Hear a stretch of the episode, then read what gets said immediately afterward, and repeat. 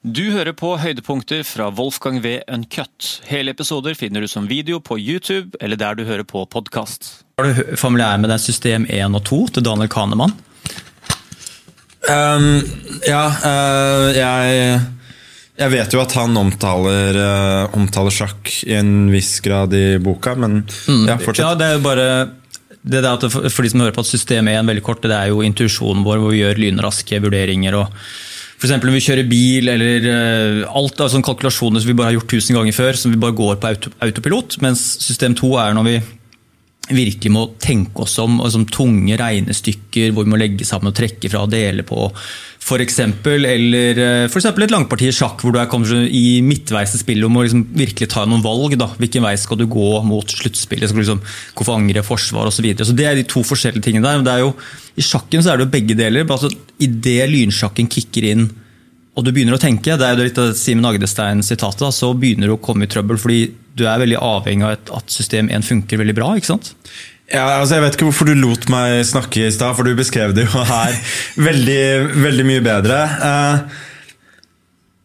ja, jeg har, begynt selv snakket om litt sånn korttids kontra langtidshukommelse osv. Uh, men det er jeg, Sjakkspillere bruker system 1 mye mer enn en du tror.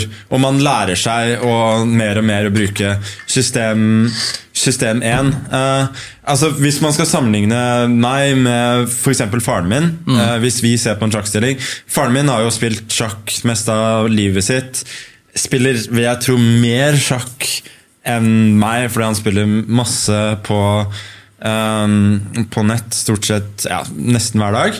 Um, han vil da bruke system 2 for det aller meste. Um, mens jeg nes, nesten alltid bruker, bruker system, eh, system 1. Uh, og ja, for det meste så det var som jeg snakket om tidligere, altså når, du, når du blir sliten eller mm. fysisk, fyllesyk, whatever, så eh, blir ja, da system 2 kanskje ikke verre, men system 1 kollapser, rett og slett. Kan det være sånn generasjonsgreie der? For Jeg husker alltid faren min spilte sjakk med en annen en kompis til far. og de, Det var sånn, deres sånn søndagsgreie. da, da var det liksom Sjakk liksom før datamaskin og internett eller pakka, så var det et brett, og man satt og koste seg med spillet, og det var gjerne ett eller to partier. ikke sant? Veldig lite, og jeg tror det var veldig lite utbredt med lynsjakk og den type ting. Da. Men vår generasjon, altså helt fra meg og opp til din og videre, vi er jo vokst opp med sjakkcomputere, med Chessmaster på PC, så kom internett og sånt, og vi er jo vant med et helt annet volum, og samtidig også mye kortere spill, at vi eh, Det må jo ha skjedd et skifte der sånn mentalt i sjakkverdenen at eh, at sjakk har vært en veldig stor system 2-greie, til at, sånn at det kommer sånn din generasjon da, som er vant med et høyt volum av spill, og eh, hvor det er helt nødvendig å veldig, ha et veldig bra system igjen. Jeg tror eh, det, har, det har nesten utelukkende med spillestyrke å gjøre. At eh, Ja, det er klart vet, vet du hva, også, også i gamle dager så var den mest populære formen var lynsjakk.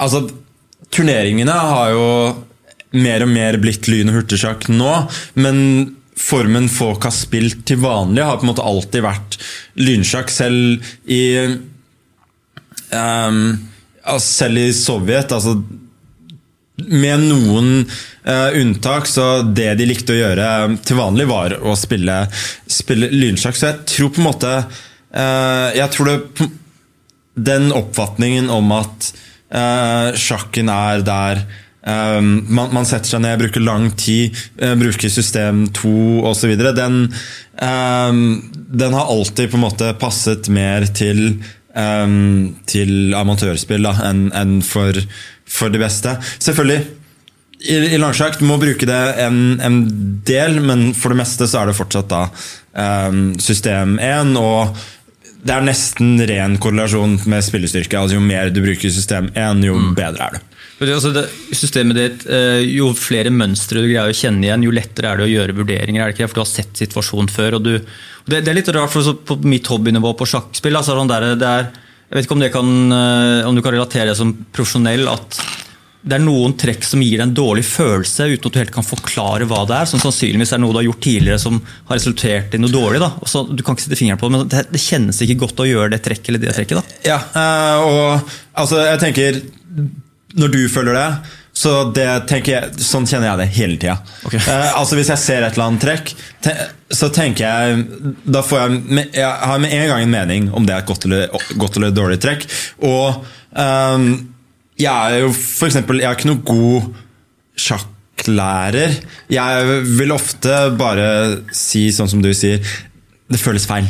Jeg kan ikke helt forklare, men og det er mulig at det konkret i dette tilfellet er et godt trekk, men det føles uharmonisk, og det stemmer ikke overens med de erfaringene jeg har, og de mønstrene jeg har, eh, har lært og kan gjenkjenne. Mm. Så, og da kommer det da an på lengden på partiet, hvor mye sånn kalkuleringstid du gidder å bruke på de forskjellige mulighetene måtte du ha. Hvis du har, altså, to-tre sånn der, sånn, okay, dette her er veldig usikker på, disse to-tre retningene som er veldig avgjørende for hvordan du spiller videre, er det sånn eh, se- er veldig klokkeavhengig hvor lang runde, liksom, hvor mange trekk du ser framover? da? Eh, Ja, det er veldig klok klokkeavhengig. Ehm, det kan også ha litt med uh, selvtillit, form å gjøre. Typisk hvis du er Um, Hvis du har selvtillit og er i god form, så greier du mer intuitivt å vurdere når du skal bruke, når du skal bruke lang tid, når du, eh, når du ikke skal gjøre det. Men som du sier Man lærer jo også på en måte å og snevre inn, inn søket. Så selv om jeg bruker lang tid, så er det gjerne bare kanskje to eller tre alternativer jeg vurderer, mens du kanskje ville vurdert mange Um, mange flere. Noen ganger så vil det bety at du kommer til å tenke på et eller annet genialt som ikke Som jeg på en måte har um, har eliminert med en, med en gang på, på generelt grunnlag, men um, som regel altså av tidsbegrensninger. Rett og slett så lønner det seg å, å, å da ha ja, eh, maks tre, vil jeg si, alternativer som du eh, vurderer seriøst hvert trekk. Er det det, er det det som koster mest sånn mentalt og energisk, er når motstanderen setter deg opp i en situasjon som du, at du må re du må re, altså nesten null, ikke nullstille, men du må rekalibrere deg så mye at liksom, av de tingene du hadde brukt veldig mye krefter på å tenke framover, det, det er liksom helt viska ut. At nå må du nesten du må tenke helt nytt. At du hele tiden må restarte. Er det, er drainer det systemet veldig, vil jeg tro? Ja, altså Jeg syns jo det er veldig, veldig spennende, og jeg er, jeg er pragmatisk på den måten at jeg vet, i hvert fall når du spiller langsjakk, så det skjer såpass ofte at du må um, du, må, du må revurdere. Det kommer, kommer nye, nye situasjoner. Så um, jeg syns det i stor grad er, er, er spennende, og um, jeg, jeg syns på en måte Det er ikke noe veldig eh, sterk mental hindring for meg å